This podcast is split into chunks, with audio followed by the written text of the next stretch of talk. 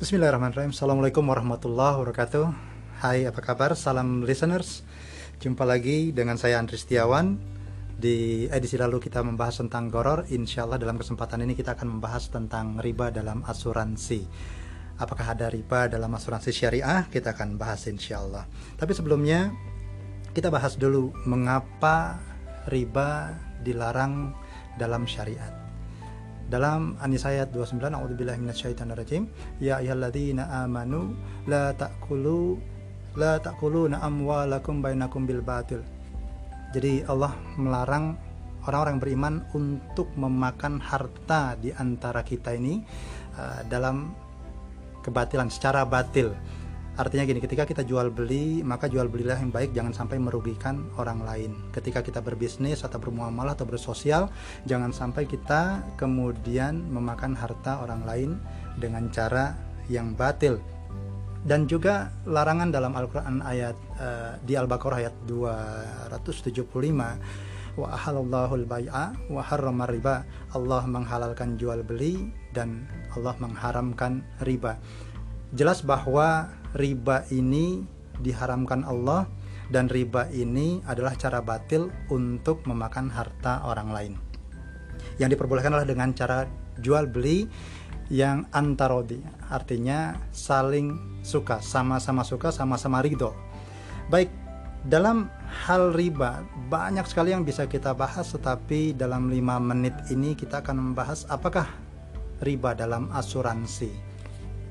Sahabat salam listeners, dalam asuransi konvensional yang kemarin kita sudah bahas bahwa akadnya adalah jual beli berdasarkan Kitab Undang-Undang Hukum Dagang atau KUHD pasal 246 yaitu pertukaran antara premi dengan uang pertanggungan. Maka kalau jual beli yang dijual adalah uang pertanggungan, yang untuk membelinya adalah premi, sama-sama uang dalam hadis Nabi SAW uh, mengibarat uh, mengatakan bahwa tukar menukar antara emas dengan emas, perak dengan perak jumlahnya harus sama dan tunai. Gitu. Jadi artinya jika jumlahnya berbeda ada riba fadl di sana dikiaskan emas sama emas, perak sama perak sebagai alat tukar pada masa itu, maka pertukaran uang dengan uang juga uh, berisiko terkena riba fadl jika salah satunya ada tambahan dalamnya. Misal, saya menukar uang 100 ribu rupiah ke dalam bentuk receh kepada sahabat salam listeners karena saya butuh recehan ini untuk bayar sesuatu Nah kemudian karena saya butuh banget, saya bilang udah deh ditukar aja 90 ribu rupiah. Nah 90 ribu rupiah ditukar dengan 100 ribu rupiah saya, maka ada kelebihan buat Anda 10 ribu rupiah. Kelebihannya itulah yang disebut dengan riba fadl. Dalam asuransi konvensional, seperti yang sudah kita ingat, bahwa pertukaran antara premi dengan uang pertanggungan itu adalah jual beli, maka jika seseorang atau nasabah baru bayar satu kali saja, e, misalnya preminya satu juta, uang pertanggungannya 100 juta, maka harga dari e, uang pertanggungan 100 juta adalah satu juta dan yang berhak mendapatkannya atau ahli warisnya atau penerima manfaatnya mendapatkan 100 juta maka ada kelebihan 99 juta. 99 juta itulah yang disebut dengan kelebihan riba. Baik, sekarang pertanyaannya. Mungkin begini pertanyaan, kan sama aja di asuransi syariah juga begitu kok. Bayar kontribusi 1 juta, eh meninggal dunia, uang pertanggungannya 100 juta. Apakah itu riba juga? Begini sahabat, salam listeners. Di awal kontrak kita sudah membedakan akadnya. Asuransi konvensional adalah uh, jual beli dan asuransi syariah adalah tolong menolong.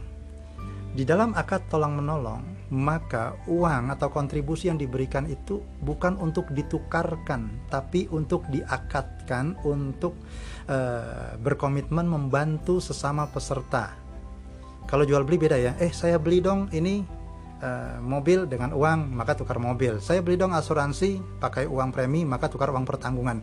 Tetapi di uh, dalam asuransi syariah akadnya adalah seperti yang ada di fatwa DSN MUI nomor 21 tahun 2001 bahwa uh, akadnya tolong menolong maka uang yang diberikan uh, sahabat salam listener sebagai peserta asuransi syariah itu bukan untuk membeli asuransi tetapi untuk saling menolong sesama peserta ketika ternyata ada salah satu peserta di antara kita yang meninggal dunia, uang itulah yang dipakai untuk menolong keluarganya. Sehingga dalam akad tolong menolong tersebut, kelebihan tersebut adalah bukan hasil tukar menukar antara kontribusi dengan uang pertanggungan atau santunan. Dan dengan demikian, maka hal tersebut tidak bisa dikatakan riba. Maka insya Allah dengan akad ini, asuransi syariah sudah terbebas dari riba. Dan yang terpenting bagi para peserta atau calon peserta ketika ingin mengikuti asuransi syariah harus betul-betul meniatkan bahwa kita akan menolong para peserta lainnya dan insya Allah kita juga akan ditolong oleh peserta lainnya dalam bentuk santunan. Karena semuanya berawal dari niat dan seseorang akan mendapatkan apa yang diniatkan. Innamal a'malu bin niat wa innama likulli imri'in jadi itu yang bisa saya sampaikan saat ini. Semoga bisa sangat membantu. Jangan lupa di-share setelah mendengarkan jika dinilai bermanfaat dan terus mendengarkan salam podcast dan jangan lupa untuk terus belajar karena belajar nggak ada batasnya. Wassalamualaikum warahmatullahi wabarakatuh.